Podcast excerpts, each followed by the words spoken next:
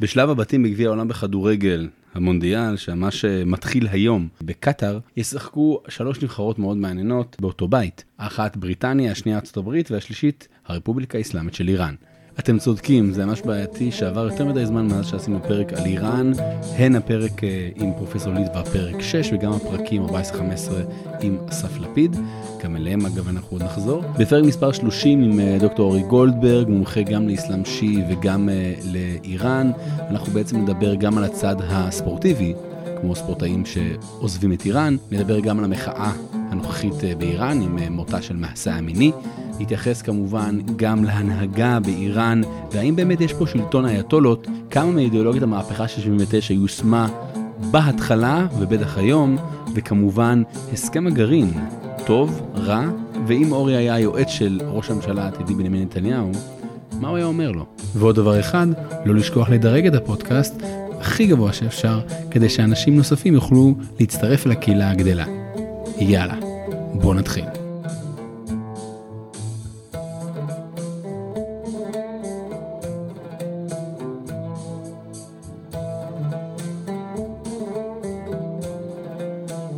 שלום לכולם, נמצא איתנו דוקטור אורי גולדברג, אה, דוקטור גולדברג מלמד אה, באוניברסיטת רייכמן בתוכנית אה, למזרח תיכון.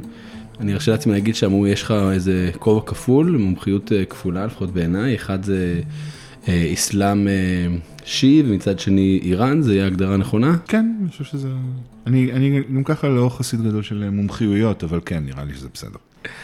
רק אני אציין ככה לאלה שככה מנסים להיזכר אם קצת דיברנו כבר על איראן והכל, אז כמובן שהיה פרק 60 פרופסור אה, מאיר ליטבק, אבל אי אפשר פרק אחד בלבד לדבר על איראן, אז uh, הנה אנחנו שוב. וכשמדברים על איראן, הרבה פעמים uh, מדברים על זה, טוב, האיראנים והם פרסים, והפרסים הם איראנים, ואני זוכר ש... איראן היא משהו כמו 50 אחוז פרסים ויש לנו עוד uh, מיעוטים כמו אזרים ובלוצ'ים וכורדים וערבים וכולם ככה נהנים לערבב ככה את כולם uh, ביחד. אז דווקא לפני שאנחנו נקפוץ אל הפוליטיקה האיראנית ואולי באמת נראה כמה הם כן פרסים או לא פרסים, מה מעניין או מה מייחד דווקא בקבוצות הלא מרכזיות? אמ, אני מניח שמה שמעניין ומייחד זה מה שמייחד כל קבוצה שהיא מיעוט בתוך אה, מדינה שיש בה רוב דומיננטי. זה כן משתנה, אין דין הזרים כדין הבלוצ'ים. אה, הזרים גם משתייכים לקבוצה אתנית אה, גדולה וחזקה, שיש לה מן הסתם מדינה משל עצמה, אזרבייג'אן. גם בלוצ'ים יש לא רק באיראן, יש גם בפקיסטן. אלה קבוצות מיעוט שחיות בתוך המכלול, מדי פעם יש לכל אחת מהן גם אה, איזושהי מחתרת שמדברת על הגדרה עצמית, אבל האמת היא שעושה רושם שרוב התושבים המקומיים במחוזות שבהם הקבוצות האלה חיות, לא באמת רוצים להתגרש מאיראן. אה, התיאוריה על זה שאיראן היא מגדל קלפים של אה, גיוון אתני שעומד ליפול, להבנתי אין לה הרבה בסיס במציאות. וזה בעצם אומר, אני חוזר רגע קצת אחורה, שדרכם של משפחת פהלוי, השושלת שנפלה ב-79 הצליחה, יצרו איראן? היא לא הייתה צריכה, לא, לא, לא, לא המלכים לבית פהלוי הם אלה שבנו את איראן, איראן הייתה שם הרבה קודם, אה, אה, מאות שנים קודם, הייתה קיימת כמדינה שכללה בתוכה גם את הקבוצות שציינת. אה, הממלכה האיראנית שהתחילה בעצם במאה ה-16, כששאה אסמאעיל ספאבי מאחד את המדינה תחתיו, מה שנקרא, והממלכה נכונה, mm-hmm. היא כללה את המיעוטים האלה, זאת אומרת, לא היה... לא אפילו, היה אפילו, סליחה שאני נכנס בדבריך, אני אומר, אפילו יותר, כאילו כן. גם שטחים, אם אני זוכר נכון, נכון, גם בגדד הייתה... זה כבר יותר שנוי במחלוקת, אבל איראן כישות טריטוריאלית מעולם לא הייתה יותר מדי מחלוקת לגבי מה היא כוללת. זאת אומרת, זה לא, זה אפילו לא שיש נגיד איזה משהו סטייל ארצח, נגורנו קרבאח, mm-hmm. כמו שהארמנים והזרים קוראים לה, אין יותר מדי מובלעות, אין... איראן היא ישות שקיימת בתודעה של תושביה וגם בתודעה האזורית כבר. אה, הרבה מאוד שנים, הפהלווים הפכו אותה למדינה, מדינת לאום, עם הרטוריקה הלאומית, עם עמוד השדרה של מדינה מודרנית, אבל הם לא המציאו שום דבר. איראן הייתה שם כאיראן הרבה מאוד שנים.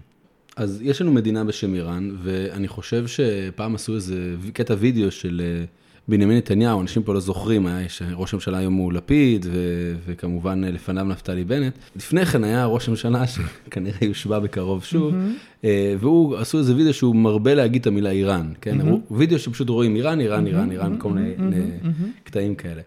עכשיו, אז הישראלי בטח, אה, אתה יודע, מישהו שסיים עכשיו אה, תיכון, אחרי 12 שנים אה, שרובם נתניהו היה בשלטון, ושמע את המילה איראן כל הזמן, אז הוא מכיר איראן מאוד מאוד מסוימת. האיראן שיש את תוכנית הגרעין, ושאני מקווה שנדבר עליה גם קצת, ויש את האיום הזה שהסהר האיראני או הסהר השיעי. מה הישראלי הממוצע לא מבין לדעתך באיראן? כלומר, מה הוא מפספס בגלל שהוא תקוע באיזה קונספציה, אה, אולי נקרא לה מלחמתית? הישראלי הממוצע, ויש לי, אין לי את זה ביותר אה, אה, אליטיסטי ומתנשא. קדימה, הישראלי הממוצע לא יודע כמעט כלום על איראן. הישראלי הממוצע מכיר את איראן כאיום, מכיר את איראן כאיזה שד שחור שמייצג פנאטיות ואנטישמיות. יש vibe מיידי, במיוחד בדבריו של ראש הממשלה. לשעבר, לשעבר ולעתיד, מאז ולתמיד, בנימין נתניהו, יש vibe מאוד חזק ש... שבעצם מקשר את איראן לנרטיבים אה, על אה, אירופה ב-1938, זה מה שהישראלי הממוצע מכיר. אה, איראן היא מדינה, היא, לא- איראן רואה את עצמה, ואני חושב שזה נכון גם, כציוויליזציה, לא כמדינה. זאת אומרת, איראן היא מבחינת האיראנים בסדר גודל תרבותי של סין והודו, גם מבחינת היקף, גם מבחינת רציפות.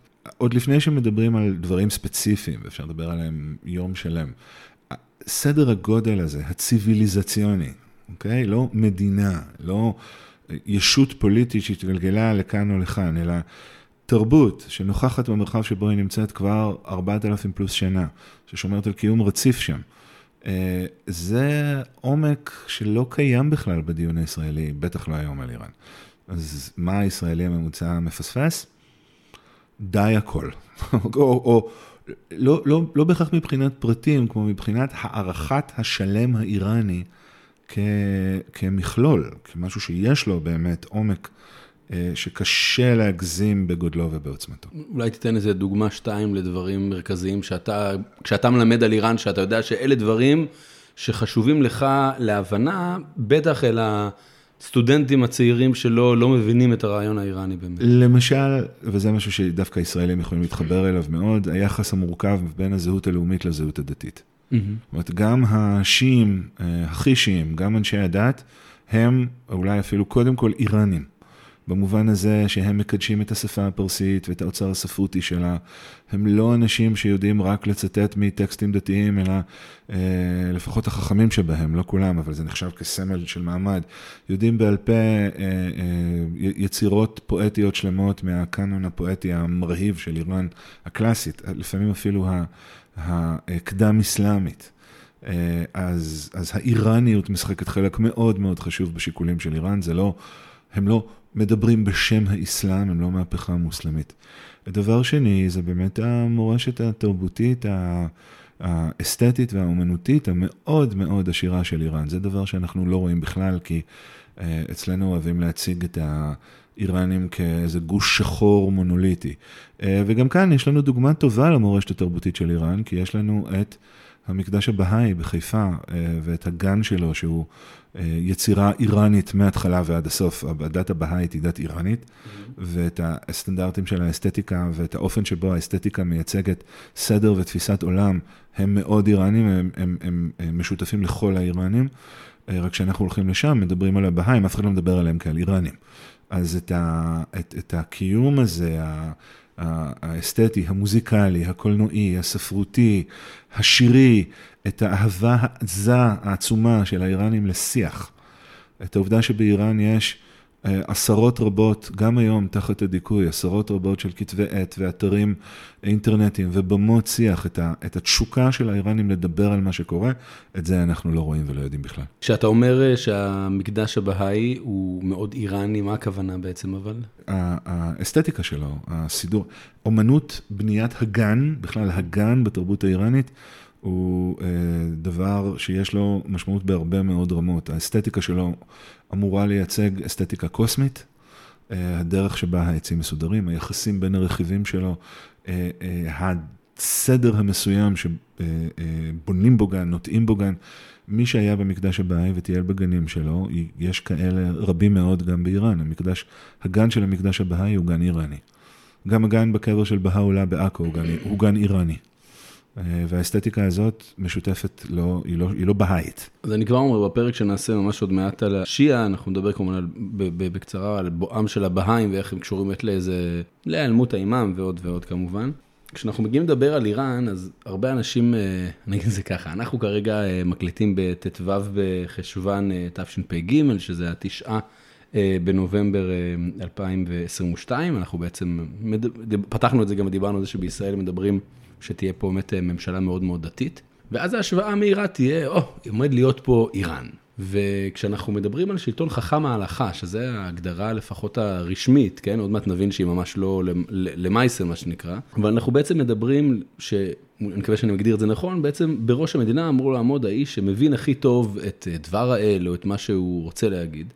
עוד שנייה תחדד אותי. וזכור לי שגם בימים של חומני, בעצם הייתה התנגדות לרעיון, אני רק אזכיר במילה וחצי, אה, שושלת פעלבי שולטת אה, מ-1921 או 25 עד 79, אז הוא נופל, וחומני בעצם שולט בשנים 79 עד 89, אז, אז הוא מת. אבל הרעיון הזה של שלטון חכם ההלכה, או אולי אפילו פוסק ההלכה, כי זה פוסק ההלכה, למיטב זיכרוני, איך זה מתחיל ואיך חומני מצליח בסופו של דבר להכפיף את הרעיון הזה, למרות שרבים, גם בדרגתו ואולי גדולים ממנו, בכלל התנגדו לו. לא רבים, כמעט כולם התנגדו לו. הרעיון הזה הוא רעיון מהפכני קודם כל במושגים שיעים. כי היסטורית, ולא נדבר על זה הרבה עכשיו, אבל אה, אנשי הדת השיעים מצווים לא לקחת חלק באופן ישיר בשלטון הפוליטי. זאת המסורת שלהם, בטח מאז שיש מדינה איראנית שרוצה גם אנשי דת שעובדים איתה.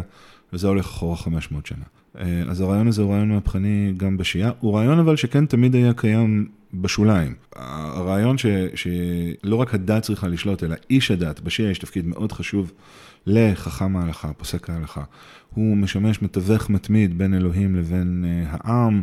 הרעיון הוא קצת בניגוד לסונה, שהוא פוסק כל הזמן, כל הזמן, על דברים שקורים אה, אה, בזמן אמת, אה, יש לו סמכות לפסוק הלכה, להורות הלכה, וה... הדבר הזה, זאת אומרת הרעיון שאיש ההלכה הוא בסופו של דבר מי שמתאים לשלוט, היה רעיון שריחף בשוליים של המחשבה השיעית, הוא אף פעם לא נתפס כרעיון פרקטי. עד מתי הוא נשאר בשוליים? בערך עד שחומני גאל אותו בשנות ה-70, בתחילת שנות ה-70, כשהוא היה בגלות בעיראק. את הרלוונטיות של הרעיון של חומני, אני חושב שאפשר לייחס באמת לקונסטלציה הפוליטית ולעלייה של הנוכחות של המערב בתוך החברה האיראנית, דרך הרפורמות של, של מוחמד רזה שאה פהלוי. זה פתאום הפך להיות סוג של משחק סכום אפס. זאת אומרת, עד אז השאים, המלכים, היו בסופו של דבר, גם אם היו להם יומרות רפורמטוריות, הם היו די נוחים להשפעה. הם רצו את אנשי הדת איתם. הם לא היו אטאטורק בטורקיה, שחתך את המדינה, ממש חתך בבשר החי וסילק גדה את הדת מתוך המדינה הטורקית. אני רק אזכיר שאטאטורק הוא בעצם מי שמייסד את טורקיה, ו... והופך. בגלל שהוא רואה את האימפריה העות'מאנית אה, שחרבה אה, כסמל למאובנות, הוא בעצם חותך ומפריד בין דת ומדינה. אה, כן, זה, היה החזון שלו, הוא גם זיהה את הדת כתחרות גדולה לשלטון שלו, לא משנה. המלכים האיראנים לא עשו את הדבר הזה. זאת אומרת, הדת נתפסה כחלק מהותי מהאיראניות. אבל מוחמד רזה שאה בשנות ה-60 וה-70 השמין ובעט. וקיבל הרבה מאוד תמיכה אמריקאית וגם ישראלית, וראה את עצמו כמי שיכול ורשאי להפר את שיווי המשקל הזה בין הדת למלך. והוא משך מאוד מאוד חזק לכיוון של המלך. הוא בעצם ביקש להכפיף את כל הממסד הדתי למלך, רוצה שהממסד הדתי ינק את סמכותו מן המדינה ולא מהקשר הבלתי אמצעי שלו עם צאן מרעיתו. אה, וחומני הוא בעצם סוג של תגובת נגד, זאת אומרת, אה, ממש ניוטונית. לכל פעולה יש תגובה שקולה והפוכה. Mm-hmm. השאה לקח את איראן חזק מאוד לכיוון של מדינה כאילו מערבית, אבל בעצם מונרכיה אבסולוטית, מקום שבו המלך שולט, והוא שולט בכל מערכי המדינה, קם חומני ואמר, לא. היה פה תמיד איזון, התפקיד שלנו כאנשי הדת הוא לשמור על האיזון, וחכם ההלכה השולט הוא לא דיקטטור, הוא לא עריץ טוטאלי, הוא בעצם לוקח את התפקיד המסורתי של אנשי הדת, שזה תיווך מתמיד, והוא ממשיך את התיווך הזה. אז אנחנו לוקחים צעד אחד קדימה, ויצא לי גם לשמוע אה, לא זוכר איפה שמעתי אותך, אם זה ביוטיוב או בפודקאסט, שאתה בעצם דיברת אה, שהחשש הגדול של השאה אה, האיראני היה לא בכלל חכמי ההלכה, אלא מהצד הקומוניסטי, mm-hmm. ובעצם מטרת ההמונים ב-79, אפשר להגיד 78-79, כי באמת אה, הבלגן הגדול קורה בכלל ב-78, אה, והרצון הוא בעצם להפיל את השעה, כן? וכל אחד רצה למשוך את השמיכה אה, לכיוון שלו, אחד רצה מדינה אולי יותר ליברלית, אחד, אחד רוצה אולי קומוניסטית, ואתה מוזמן לתת עוד דוגמאות, ובסופו של דבר באמת עולה לשלטון אותו חכם הלכה שהיה בגלות, רובה בעיראק, כמה מהם בצרפת, והוא תופס את השלטון לפי האידיאולוגיה שלו של שלטון חכם ההלכה. ועדיין, אני שואל אותך, בתור אחד שכתב את התזה שלו על החוקה של איראן, האם באמת איראן של עשר השנים הראשונות, כן, איראן של חומני, אנחנו לא מדברים עדיין על מי שיירש אותו, איראן של חומני, האם היא באמת עומדת באידיאולוגיה של עצמה? כלומר, האם העשור הראשון, שבאמת רובו קשור במלחמה עם עיראק, האם באמת היה אז שלטון חכם ההלכה, ובמה הוא באמת היה שונה דרמטית משלטונו של השאה? המילה הזאת באמת היא, אתה יודע, היא מילה לא, לא פשוטה, אז אני אנסה פשוט לענות לשאלה שלך. קודם כל, הייתה הרבה המשכיות, ולא רק מהסיבה שצריך לנהל מדינה, כן? המנגנונים המדינתיים, הם, הם היו גם דומים וגם שונים. הם היו דומים במובן הזה שלא השאה ולא חומייני היו דמוקרטים. אוקיי. Okay. זאת אומרת, הרעיון היה לייצר אה, מדינה, כמו שקוראים לה בספרות, במושג המקצועי האקדמי, מדינה אתטיסטית, מאתה, ממדינה בצרפתית, כלומר מדינה ש, שכוחה ומוסדותיה הם הכל. כלומר, לא מי שעומד בראשה, אלא המערכת. אה, כן, המערכת, נכון. גם אם חומני היה לו תפקיד מיוחד, והוא היה אבי המהפכה, והוא היה חכם ההלכה הראשון, הכל נכון. עדיין היה ניסיון לייצר באמת מערכת מתפקדת שגם תגיע לכמה שיותר אנשים. חלק מהאפיל, חלק מהמשיכה של הרפובליקה האסלאמית בהשוואה לשעה, הייתה המחויבות שלה למעמדות הנמוכים באיראן. השעה נתפס כמי שדאג למעמד הביניים, לא למעמדות הנמוכים. אז הרפובליקה האסלאמית חיפשה את הפריפריה ואת המעמדות הנמוכים, ושם היא רצתה לעשות הבדל. אבל צריך להגיד עוד דבר אחד מאוד משמעותי. העשור הראשון של הרפובליקה האסלאמית, כמעט כולו, הוא עשור של מלחמה. Mm-hmm. איראן נלחמת בעיראק. רק נגיד, עיראק פולשת אה, אליה? עיראק פולשת אחרי מתיחות ארוכה, מאז עלייתו של סדאם בסוף שנות ה-60, סדאם בוחן את האיראנים.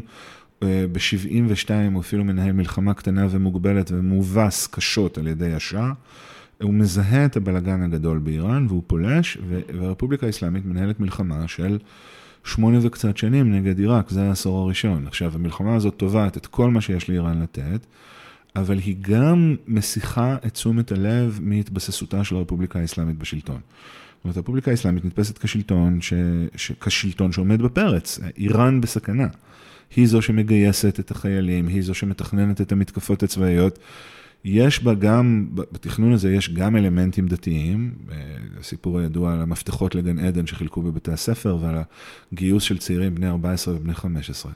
אבל uh, בסופו של דבר זאת מדינה במלחמה שצריך לנהל אותה, צריך להילחם, צריך לנצח. אז uh, יש הבדלים, בוודאי, הרפובליקה האסלאמית היא לא הממלכה של השעה, לא בדגשים, לא ב, ב, באוריינטציה התרבותית, אבל אפקטיבית, אני לא יודע כמה האיראנים בהכרח שמו לב להבדל. בשנים הראשונות של הרפובליקה האסלאמית הייתה איזו תחושת שיכרון כללית מהאסלאמיות הזאת, הרבה מאוד איראנים הוצאו להורג על ידי השלטונות.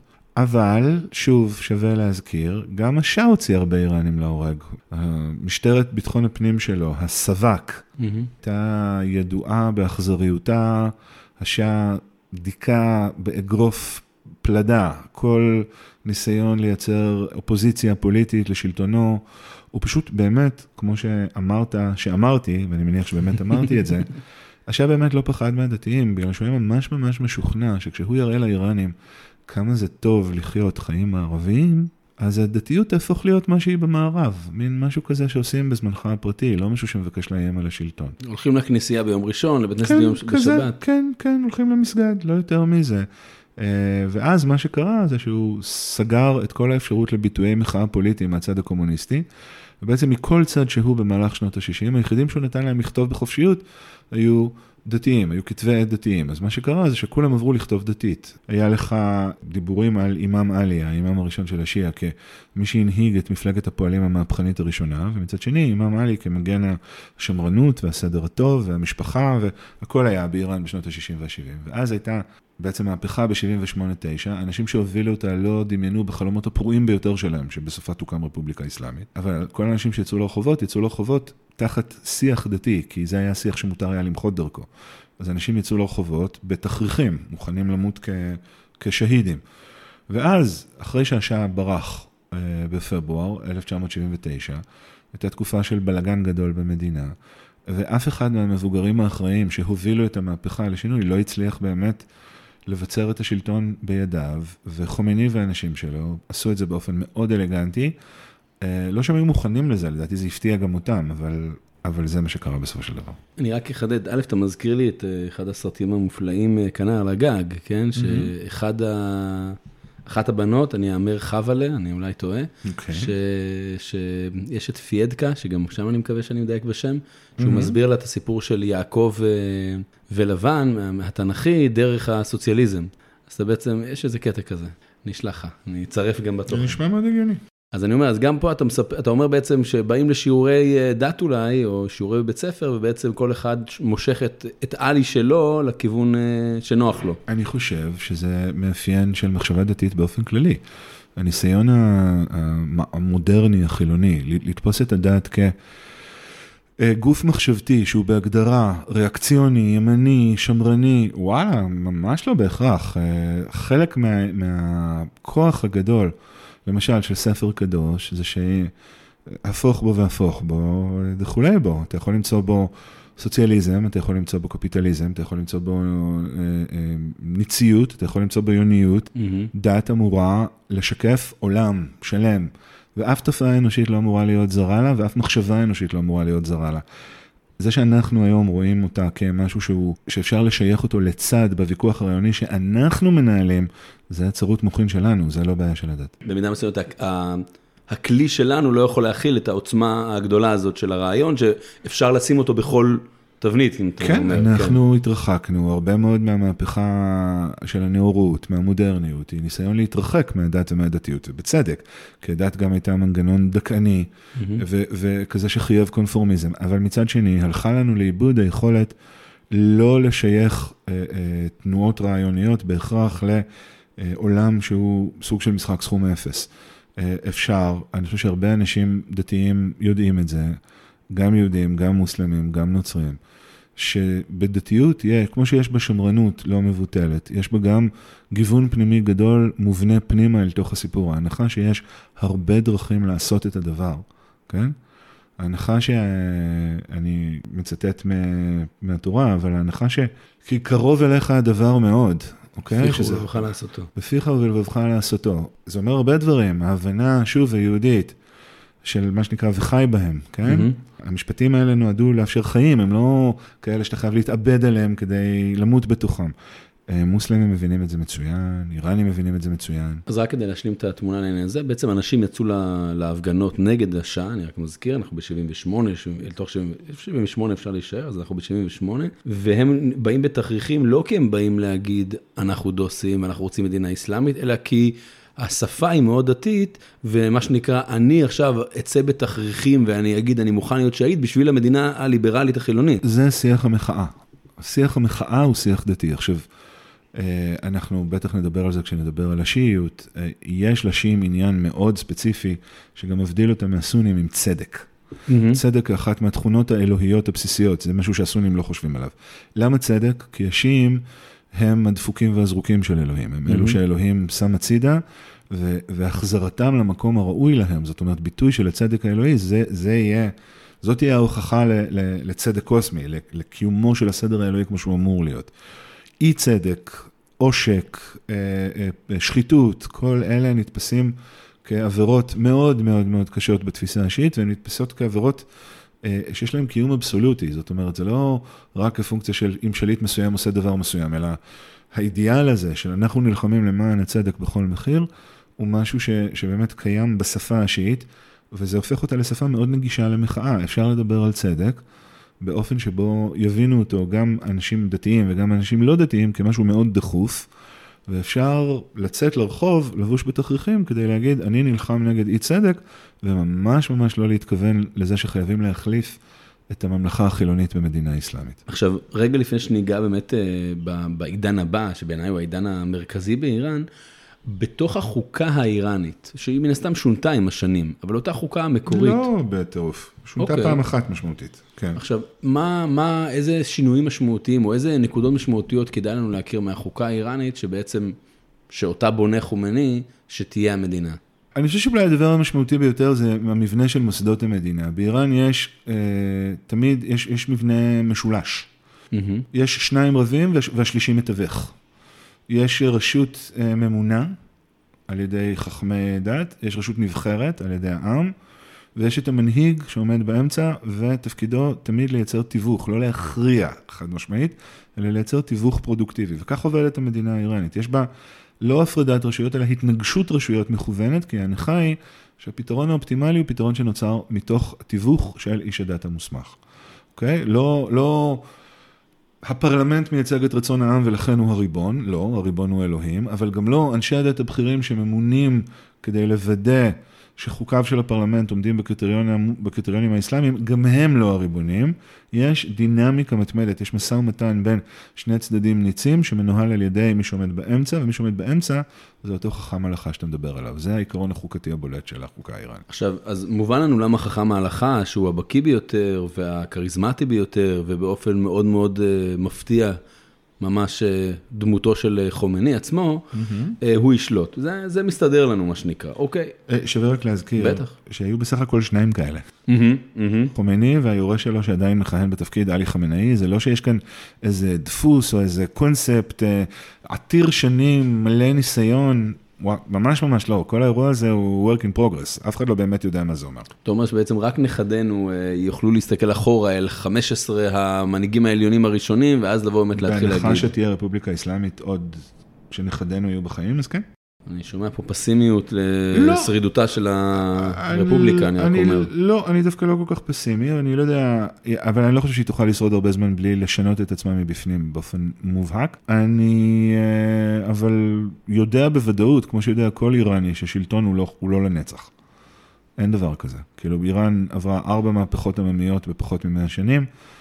אה, האיראנים יודעים היטב שזה לא לנצח. רק נגיד שאנחנו אומרים על אה, מחאות עממיות, יש לנו את יש לנו את מרד הטבק של 1890, יש לנו ב-1905 והלאה את המהפכה החוקתית, ויש לנו כמובן את הלאמת הנפט של 1951 עד תוך 53, שזה אחד הנושאים שאותי מרתקים, איך פשוט אה, מוסדק, היה, מוסדק, ראש הממשלה, היה כפסע מאולי, אולי, לכאורה, להפוך את איראן לרפובליקה שהוא נשיא, וכמה דקות אחרי זה הוא מוצא את עצמו במעצר בית.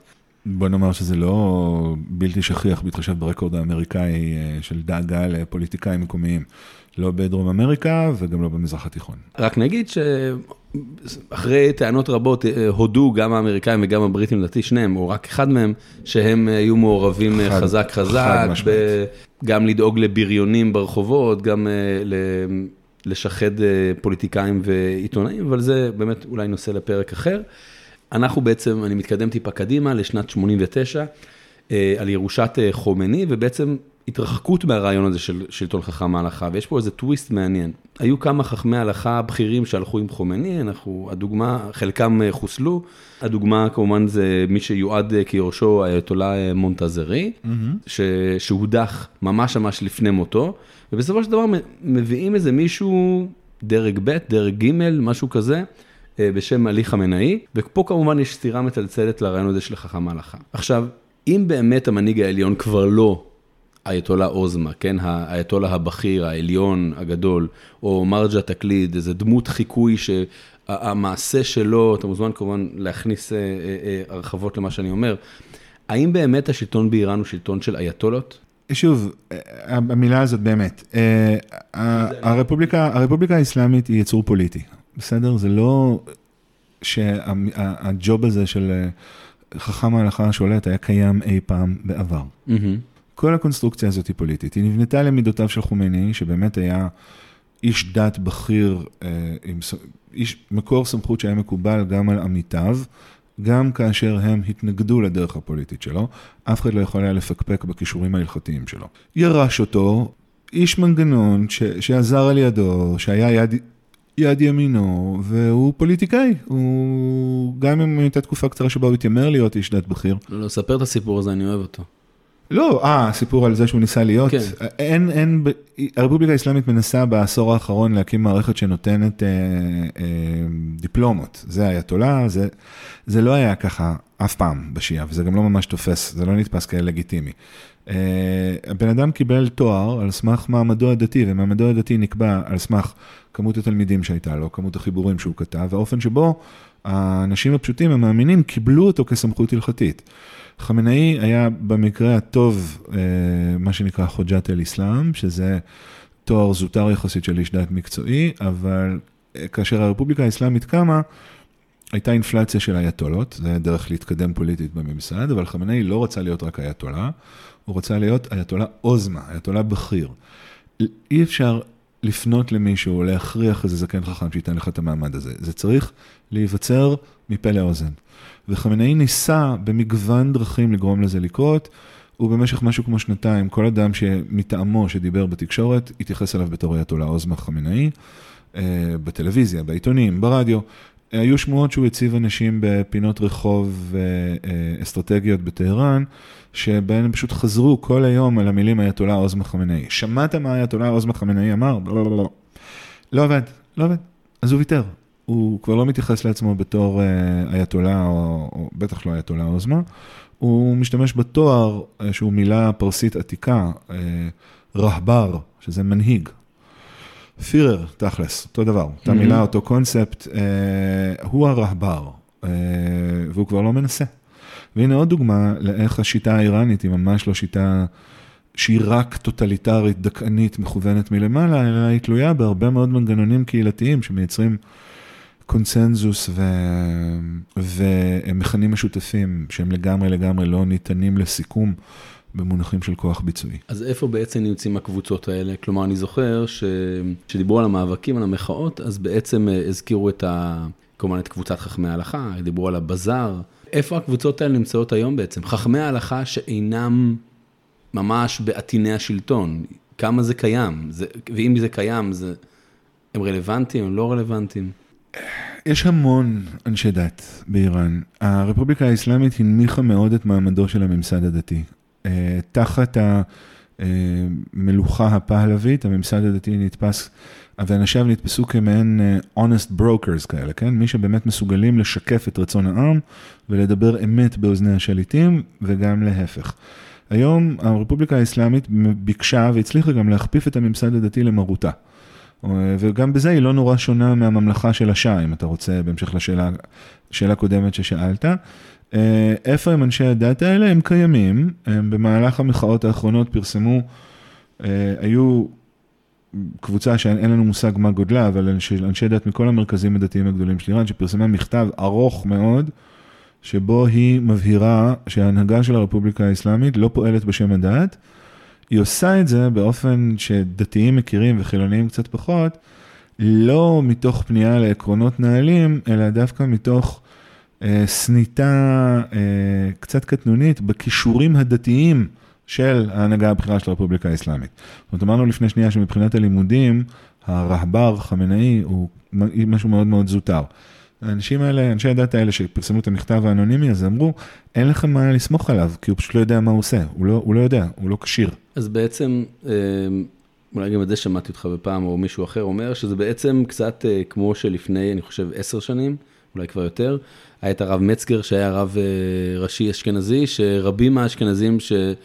אה, עזוב, עזוב, את הרב מצגר. הרב לא, מצגר לא, לא, הוא, לא הוא הדמות חלילה, כן. הרב, הרב מצגר הוא פושע מורשע. אני, לא נכנס לדמות עצמו, אבל אני אומר... המשרה הזאת, המוסד הזה כן. של הרב הראשי מטעם המדינה, אני לא מכיר, אני לא, יכול להיות שיש, אבל אני בטוח שיש מעט מאוד אנשים אה, שומרי תורה ומצוות, שרואים ברב הראשי סמכות הלכתית שאותה הם צריכים לכבד. בסדר? זה מינוי פוליטי. אה, לא שהוא לא רב, כן? ולא שלא צריך לקרוא אה, בשאלות ובתשובות שלו ובחידושיו בהלכה, אבל מעצם העובדה שהוא רב ראשי, זה ממש ממש לא אומר שהוא סמכות דתית מקובלת. הוא ראש המנגנון הפקידותי. אם יש אנשים שהם ענקי רוח, שמוכרים, נגיד, זיכרונו לברכה, הרב עובדיה יוסף, היה סמכות מקובלת. בנו, גם היה רב ראשי, רק נגיד. גם היה כן, רב ראשי, אבל, אבל אני מסכים איתך של... סמכותו לא באה לא, נכון, מהתפקיד. כן. ולהלן, בנו, הרב יצחק יוסף, שהיום מכהן כראשון לציון, כרב הראשי הספרדי, לא קרוב בשום צורה להיות מקובל כאביו. אוקיי? עצם העובדה שהוא רב ראשי, לא עשתה אותו יותר סמכותי מאביו, הוא לא אבא שלו. ואם אנחנו עכשיו עושים את הפרפרזה לאיראן אבל, תרחיב. כלומר, אנחנו רואים בעצם אה, את הדמויות, אם זה חמינאי ואם זה דמויות אחרות, שאמרנו שהן לכאורה אמורות להיות להיתפס כאותו דמות, אני אמרתי רב ראשי, אבל לא משנה הביטוי המדויק, אה, לתפוס את זה, שאנחנו מבינים כבר שהגלימה גדולה על מידותיו, אז איפה נמצאים גדולי הדור היום? יש גדולי דור, אבל הם אה, מקפידים מאוד, ודרך אגב, בזה הם לא חריגים, הם עושים משהו שאנשי דת שיעים עשו תמיד. הם חוזרים בעצם ל- כן, הם, למקור. מק- הם מקפידים לשמור על סמכותם העצמאית. הם, הם בקשר ישיר עם המאמינים שלהם, דרך רשת של תלמידיהם ותלמידי תלמידיהם. הם לא זקוקים למדינה האסלאמית כדי שתאדיר אותם ותעצים אותם.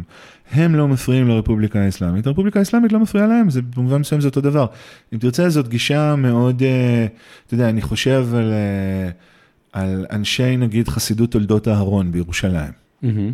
נאמר שיהיו, הבנתי שיהדות התורה החליטה שהיא לא לוקחת אה, משרות של שרים בממשלה הנכנסת, אבל נגיד שהיו חמישה שרים חרדיים, רק נגיד חלק מיהדות התורה, זה חלק. מיהדות התורה, הדגל החליטו? אני, לא משנה. אני, לא רוצה לטעות, אחד לא, מהם. בסדר, אז, אז נגיד שהם כן, הם מחליטים כן לקחת משרות של שרים, כמו שליצמן היה כשהוא היה שר הבריאות. האם חסידות תולדות אהרון הייתה מתייחסת לממשלת ישראל כאל סמכות שהיא הלכתית, מהמם. משהו שמונע מכוח דתי? ברור שלא. מהמם. ברור שלא. אנחנו בגלות לכאן ולכאן. זאת לא, זאת לא מדינת הלכה. אותו דבר נכון לגבי אנשי הדת השיעים הבכירים. רק כדי לסגור את הפינה, באמת, אה, אולי זו פעם אחרונה שנזכיר את השם חומני, אולי. אז חומני אומנם יצר את המדינה, אבל חמינאי, נגיד זה ככה, יהיה נכון להגיד שחמינאי אומנם הביא את המהפכה ויצר את המדינה, אבל חמינאי, עלי חמינאי, הוא מי שבעצם אה, אבי האומה, הוא בעצם מי שיצר את המדינה שאנחנו מכירים, כי בסופו של דבר, כמו שאמרת, חמינאי, חומ... כמו שאמרת, חומני וחמני, רק נגיד ששניהם אין להם קשר משפחתי אה, ביניהם, חומני בעצם היה בתקופה מאוד מאוד קשה של המלחמה והכל, ואז הוא מת כשנה לאחר מכן. כלומר, איראן של היום היא בת דמותו של חמינאי? כן, אפקטיבית כן. חמינאי שולט כבר יותר מ-30 שנה, אבל uh, חמינאי מעולם לא ניסה, בגלל שהוא איש חכם, להתחרות ב- בסטטוס המיתי של אבי המהפכה של חומייני. חומייני היה זה שניסח בתחילת שנות ה-70 בעיראק, בגלותו בעיראק, את הרעיון של שלטון חכם הדת כמניפסט פוליטי, כפרוגרמה. אה, חמינאי מעולם לא ניסה לא להוסיף לזה ולא לקרוא על זה תיגר, חמינאי מציג את עצמו בסופו של דבר כפקיד צנוע. זאת אומרת, מי שהוא איש דת, הוא לא מנסה לטעון שהוא סמכות הלכתית בכירה, הוא ניסה וכמובן הוא נכשל, אז הוא כבר לא מנסה יותר. הוא אופרטור, כך הוא מציג את uh, עצמו. אז להגיד שאיראן היא, בדמותו, uh, לא כל כך משתי הסיבות. קודם כל, כי הוא לא היה רוצה שיגידו את זה. הוא לא רוצה להיות דיקטטור, גם אם הוא שליט עם הרבה מאוד סמכויות. הוא רוצה להיות אופרטור, ולכן אין לו עניין שיהיו פסלים בדמותו, או שאנשיו יהיו ב... בכל מקום. הדבר השני הוא שגם ב- ב- באיראן הדיקטטורית האסלאמית, אין לאף אדם כוח מוחלט. אה, וזה קצת קשור לעובדה שמדובר באנשי דת שנוטים להתקבץ בקואליציות. גם קשור למבנה השלטוני הזה שדיברתי עליו קודם, של שלושה צדדים לכל סכסוך וויכוח בכל מקרה. וגם באמת אה, קשור למי שחמנאי, מישהו חמנאי האיש. כלומר, חמנאי מעולם לא הרגיש שהוא יכול לתקוע את עצמו בראש התורן, כמו שחומני עשה ועשו אחרי שהוא מת. אז באיראן, גם לחמנאי אין את הכוח להחליט לבד על שום דבר. אבל אני רק אקשה עליך, גם הקבוצות האלה שאתה מדבר עליהן, אותו מועצת חכמים והאחרים, הם מקבלים את הכוח מ- מחמנאי. חמנאי יכול למנוע מאנשים אה, דרכם, גם לאנשים, מאנשים שאולי מתנגדים למשטר, להתמודד לבחירות. הוא יכול, מה זה, אנשים שמתנגדים למשטר לא מתמודדים בבחירות בכל מקרה, זה לא קשור לחמנאי. אף אחד לא יכול להתמודד בבחירות באיראן ולהגיד אני בעד ביטולה של הרפובליקה האסלאמית. אוקיי. אבל חמנאי, גם לו יש מגבלות לכוח. אה, חמנאי יכול אה, לצאת נגד מישהו תופס אותו כמכשול, גם לאג'נדה האישית שלו, אבל חמנאי לא יכול ללכת באופן בוטה נגד, בצורה מוחלטת, רחשי הלב של הציבור. הוא לא יכול למנוע ממועמד שהוא יודע שיש לו תמיכה ציבורית להתמודד, כל עוד המועמד הזה שומר על כללי המשחק הבסיסיים. אה, לא, הם לא מקבלים את הכוח שלהם מחמינאי. חמינאי הוא איש עם הרבה מאוד כוח, אם הוא רוצה להפעיל אותו הוא יכול, יש מגבלות גם לכוח שלו. אז דיברת על ללכת נגד העם, ואנחנו מקליטים פחות או יותר אה, את הפרק, שאנחנו איזה 50 ימים בתוך המחאה באיראן. אה, יש שיגידו אולי הגדולה ביותר מאז המהפכה, יש שיגידו מאז 2009, אני רק אזכיר, 2009, אה, אחרי שבעצם אחמדינג'אד זוכה בכהונה שנייה, הייתה טענה לזיוף הבחירות, ויש מחאות ברחוב. בהמשך היו עוד כל מיני מחאות קטנות, אם זה אני זוכר אה, כאשר וידה מובהד אה, מורידה את החיג'אב שלה לפני איזה שלוש-ארבע שנים, אז כמובן אה, היא נעלמה והיה קצת בלאגן.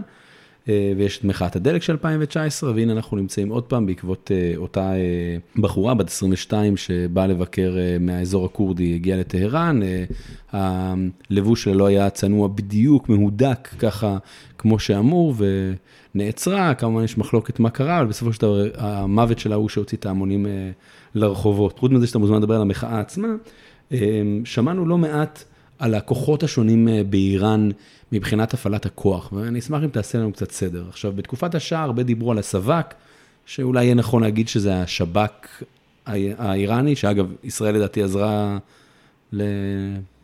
בוודאי, להקים אותו. בוודאי, זה עזרה, אימנה אותו, הכשירה אותו, עזרה להקים אותו, מה שאתה רוצה, כן. אז היום יש, ואני אומר בקול ונעשה סדר רגע, יש את הצבא האיראני, יש משמרות המהפכה האיראנים, יש את הבסיג', יש את אה, משמרת הצניעות, שהשם שלהם, אני זוכר נכון, זה משהו כמו משהו החינוך, סיירות החינוך או משהו כזה. אוקיי. Okay.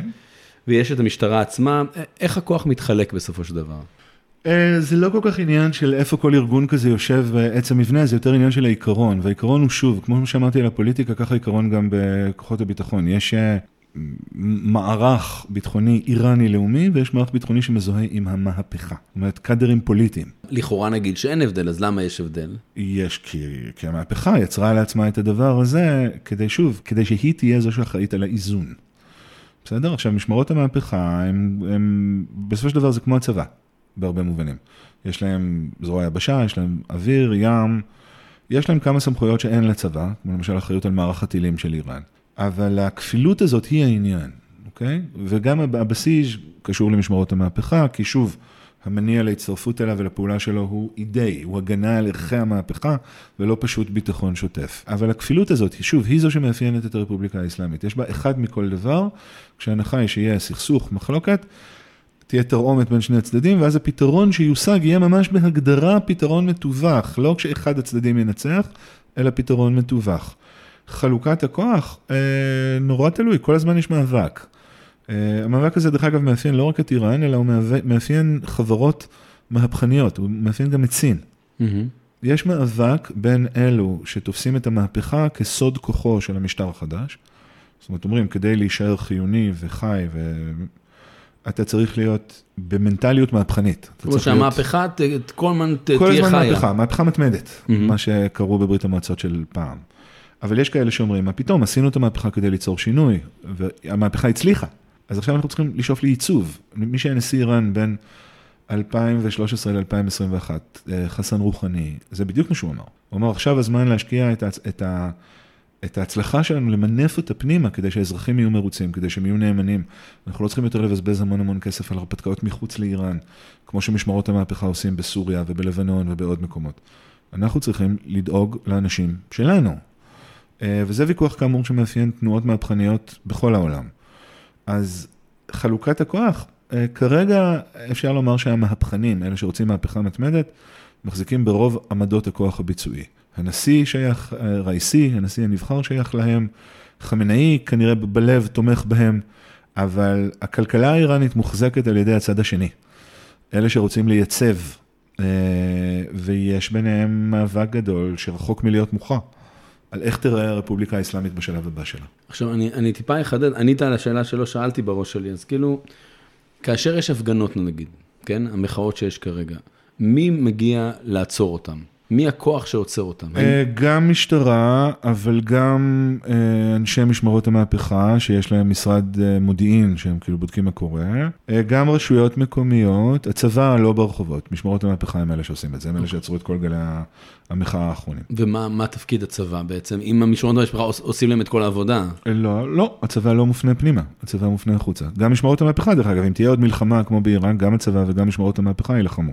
אבל הצבא, כאילו המנדט שלו הוא לשמור על הביטחון, בגבולות, לא, לא לעסוק בדיכוי פנימי.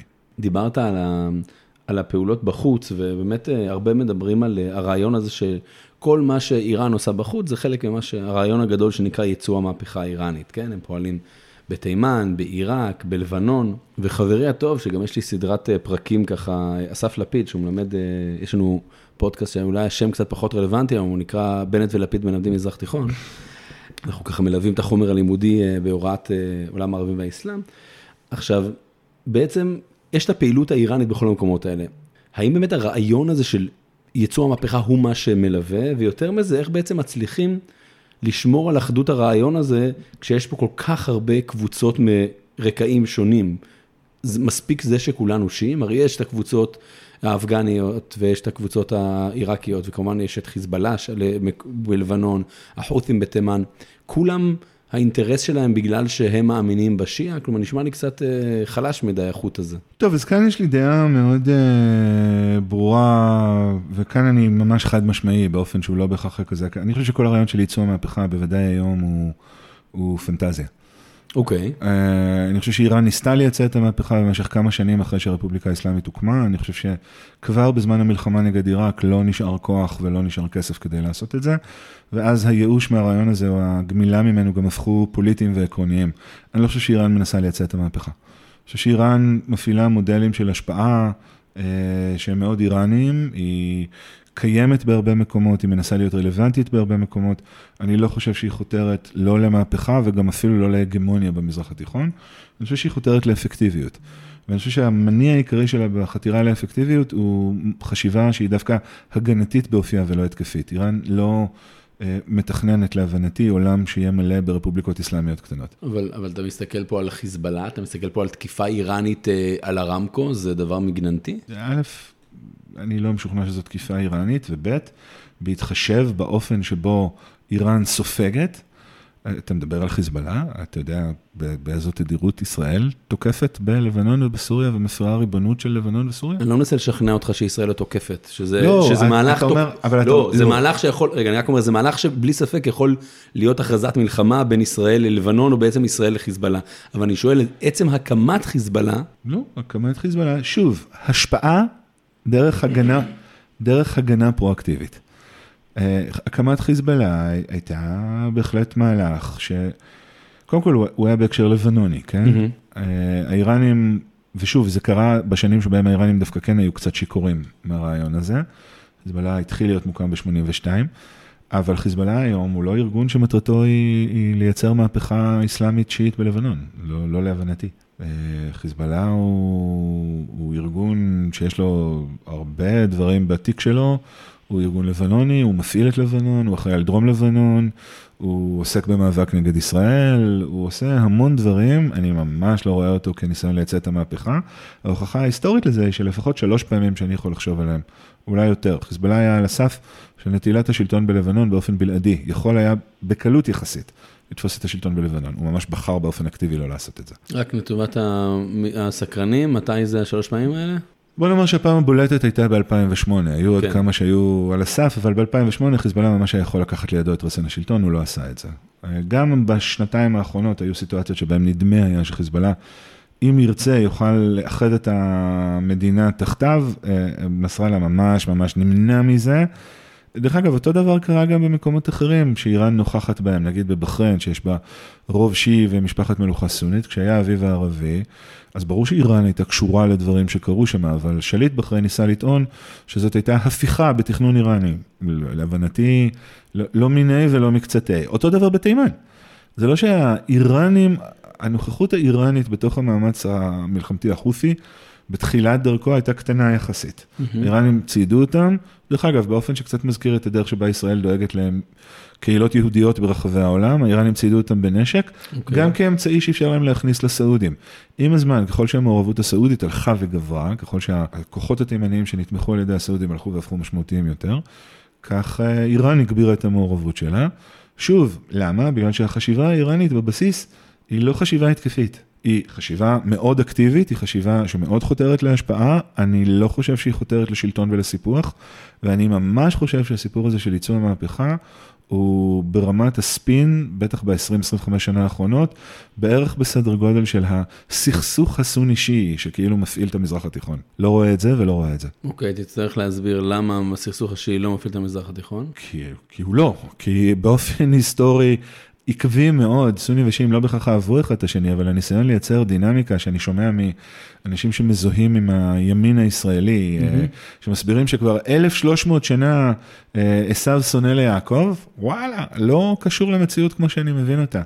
הסיפור הזה של סכסוך סוני שיעי, זאת אומרת ההנחה שמה שמניע את איראן זה רצון להשליט את השיעה על מזרח תיכון סוני, ממש ממש לא מתאים לאופן שבו איראן מפעילה את מדיניות ההשפעה שלה, הוא מתאים מאוד לחזון הסעודי של הגמוניה סעודית סונית באזור, ולחשש הסעודי מהעובדה שאיראן אה, לא קדה ולא משתחווה. אז מה אנחנו רואים פה בעצם אם לא סכסוך שיעי סוני? אנחנו רואים סכסוך גיאו-אסטרטגי, פוליטי. ממש ממש זאת אומרת, לא... בעצם רואים פה מאבק בין מדינות שיצא שאחת היא... יש גם אלמנט דתי שיוצר מתח, אבל להגיד שזה האלמנט שמכונן את זה, זה איסלאמופובי באופן כללי, ברמה שאומרת, המוסלמים האלה, הסכסוכים שלהם לא משתנים אף פעם. הם פרימיטיביים, זה מה שיש להם. אוקיי. אה, להבנתי, זה רחוק מאוד מהמציאות. אוקיי. עכשיו, אנחנו מתקרבים לסוף, וככה, שני נושאים שנשארו לנו, אחד זה נושא מאוד רציני, והשני קצת פחות, למרות שאפשר להגיד שהוא גם רציני. אה, האחד הוא הסכם הגרעין, כן? שמעתי אותך בכמה מקומות מדגיש שארצות הברית היא זו שהפרה את ההסכם בכך שהיא יצאה ממנו.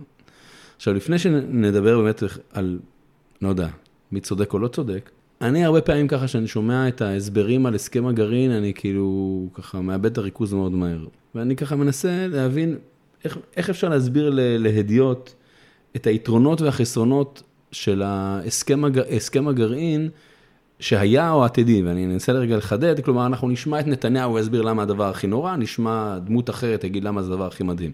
אז באמת, במה נתניהו צודק ובמה מתנג... תומכי התוכנית צודקים?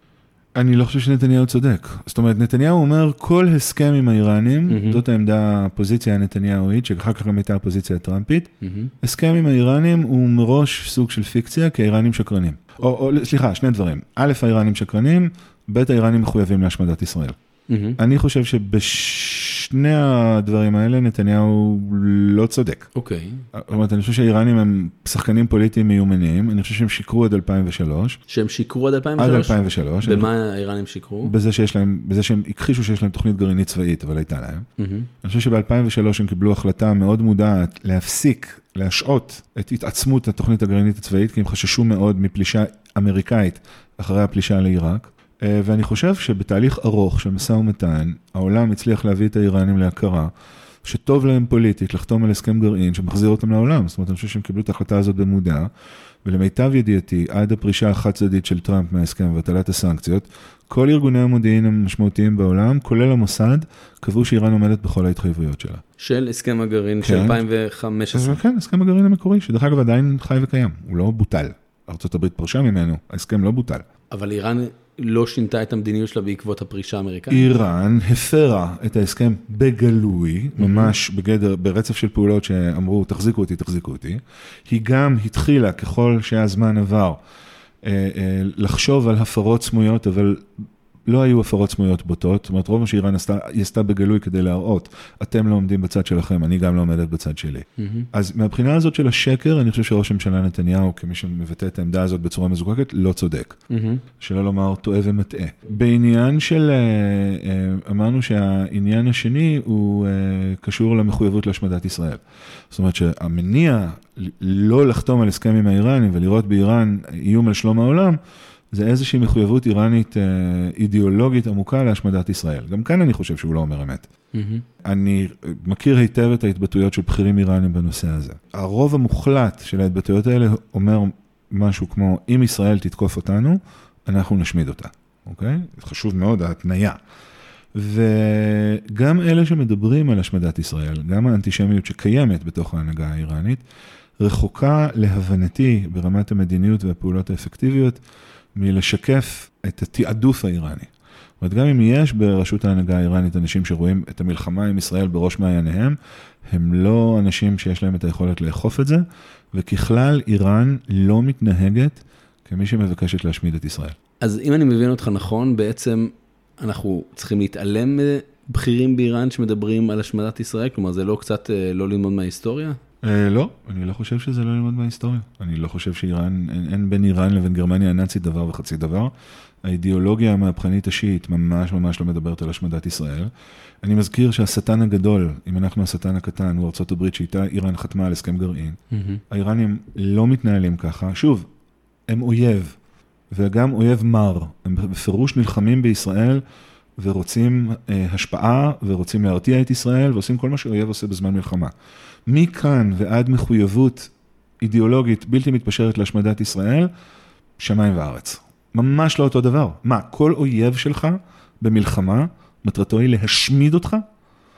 ההשמדה הזאת גוזרת הרבה מאוד דברים באופן שבו ישראל נערכת ומקצה כספים ותופסת את תפקידה הציבורי בעולם. אם היית עכשיו היועץ של שר הביטחון, באופן משעשע אולי סמוטריץ', אבל אוקיי, לטובת הדמיון.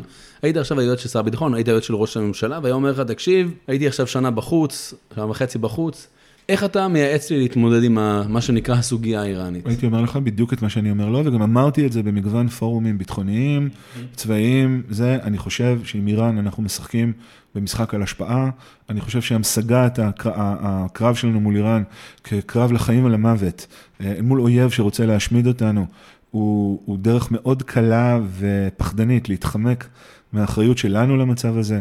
אני חושב שישראל מסלימה את העימות מול איראן באופן מאוד מודע ומאוד רצוני. היא מציגה את זה כאילו מדובר בפעולות מגננתיות, אבל בעצם ישראל עושה מול איראן דברים הרבה יותר בוטים ממה שאיראן עושה מול ישראל. שווה גם להזכיר עוד עובדה אזוטרית. מבין שתי המדינות האלה, המדינה שיש לה, על פי פרסומים זרים, מאגר גרעיני של מגוון נשקים מוכנים לשיגור על פני מגוון פלטפורמות, זו לא איראן. זאת אומרת, כשאנחנו מסתכלים, לישראלים יש בעיה מאוד קשה לראות את ישראל כתוקפן. בסיפור מול איראן, ישראל היא גם תוקפן. היא ממש ממש לא רק קורבן, וההתקרבנות הזאת מצרה מאוד את הראייה האסטרטגית הישראלית. היא הופכת את הכל לקרב שאו שיוכל לטובתנו או שיוכל לרעתנו. האיראנים לא משחקים ככה, הם משחקים על השפעה ארוכת טווח, וההתעקשות הזאת, שמה שאיראן רוצה לעשות זה להשמיד את ישראל, ומכאן יש לגזור מגוון הזה, להבנתי, גם לא תואמת את המציאות, וגם מגבילה באופן ממש קשה שלא לצורך את האפשרויות האסטרטגיות של ישראל. את כל הדברים האלה הייתי אומר לראש הממשלה. אז מה המהלך הראשון שראש הממשלה צריך לעשות? להזמין את אה, הליך חמינאי למפגש... לא, למה? אלה האופציות? לא, אני שואל, אני שואל. חלילה וחס, לא. ראש הממשלה צריך קודם כל, להבנתי, ללכת למהלך של דה-אסקלציה. לא של ריצוי, לא של הכלה, אבל של דה-אסקלציה. אה, ואחר כך הוא צריך לזהות את האופן שבו הוא רוצה אה, להגביל את ההשפעה האיראנית, למקד את הפעולה בתוכו. אה, הוא צריך גם לחפש אפשרויות לקשר דיפלומטי, להפיק של קשר דיפלומטי עם איראן. הוא ממש לא צריך לרצות את איראן, הוא ממש לא צריך להזמין את חמינאי לארץ, אבל הוא צריך לרדת ולרדת בדחיפות משיח ההשמדה. האיראנים שלא אוהבים את ישראל מנצלים את הדיבור הישראלי הזה, כי בהרבה מאוד פורומים בעולם גם מול אירופה, גם במזרח התיכון, יש הרבה אנשים שכשהאיראנים אומרים להם, תקשיבו, הישראלים משוגעים. אבל מי מדבר על השמדה? מה זה? כאילו מלחמה, מלחמה חשאית, רוצים השפעה פה, רוצים השפעה פה, כל הדיבור הזה, הרבה מאוד אנשים לא חושבים שהאיראנים מדברים שטויות. בסדר? ההתנהלות הישראלית היא התנהלות היסטרית, אה, והיסטריה ואסטרטגיה מעולם לא היו... אה, בנות זוג מוצלחות במיוחד. אוקיי, okay, עכשיו לסיום, ככה אנחנו ממש אה, מתקרבים אה, לגביע העולם בכדורגל, שהוא בקטאר, שגם זה יכול להיות פרק בפני עצמו, בלי קשר כמובן לאיך קטאר השיגו את זה. יש הרבה ספורטאים איראנים שעוזבים את המדינה. Mm-hmm. אה, חלקם גם אה, דיברו נגד, לא יודע אם דיברו נגד הרפובליקה, אבל בעצם דיברו בעד המחאה עכשיו עם מותה של מהסה המיני. יש משהו שבאמת מייחד את הספורט שנותן במה? כלומר, זה קיים גם בעוד מקומות שדווקא דמויות כאלה יבואו ויחליטו, אני עוזב את המדינה באופן מוצהר? קודם כל, בטח, תזכור את uh, המלחמה הקרה ואת uh, המאבק על הספורטאים שערקו, uh, mm-hmm. כמעט תמיד היה חד-כיווני, אבל בוודאי, ספורט הוא סמל. אתן לך עוד דוגמה שאולי בישראל לא כל כך מכירים, ואלה שחקני בייסבול קובנים. שעוברים לשחק בארצות הברית, mm-hmm. שבורחים מליגת הבייסבול הסוציאליסטית לכסף הגדול האמריקאי. ספורטאים תמיד נושאים איתם הילה, כי ספורט הוא במובן מסוים התגלמות הרוח הקולקטיבית, כן? אז, אה, אז בהחלט, וגם באיראן יש תרבות, אה, תרבות ספורט ותרבות אה, פיתוח גוף מאוד עשירה ומאוד מוערכת. האיראנים עושים ספורט ואוהבים את הספורטאים שלהם. הדברים שבהם איראנים, התחומים שבהם איראנים מצטיינים, הם תחומים שבהם איראנים מצטיינים כבר אלפי שנים, למשל היאבקות.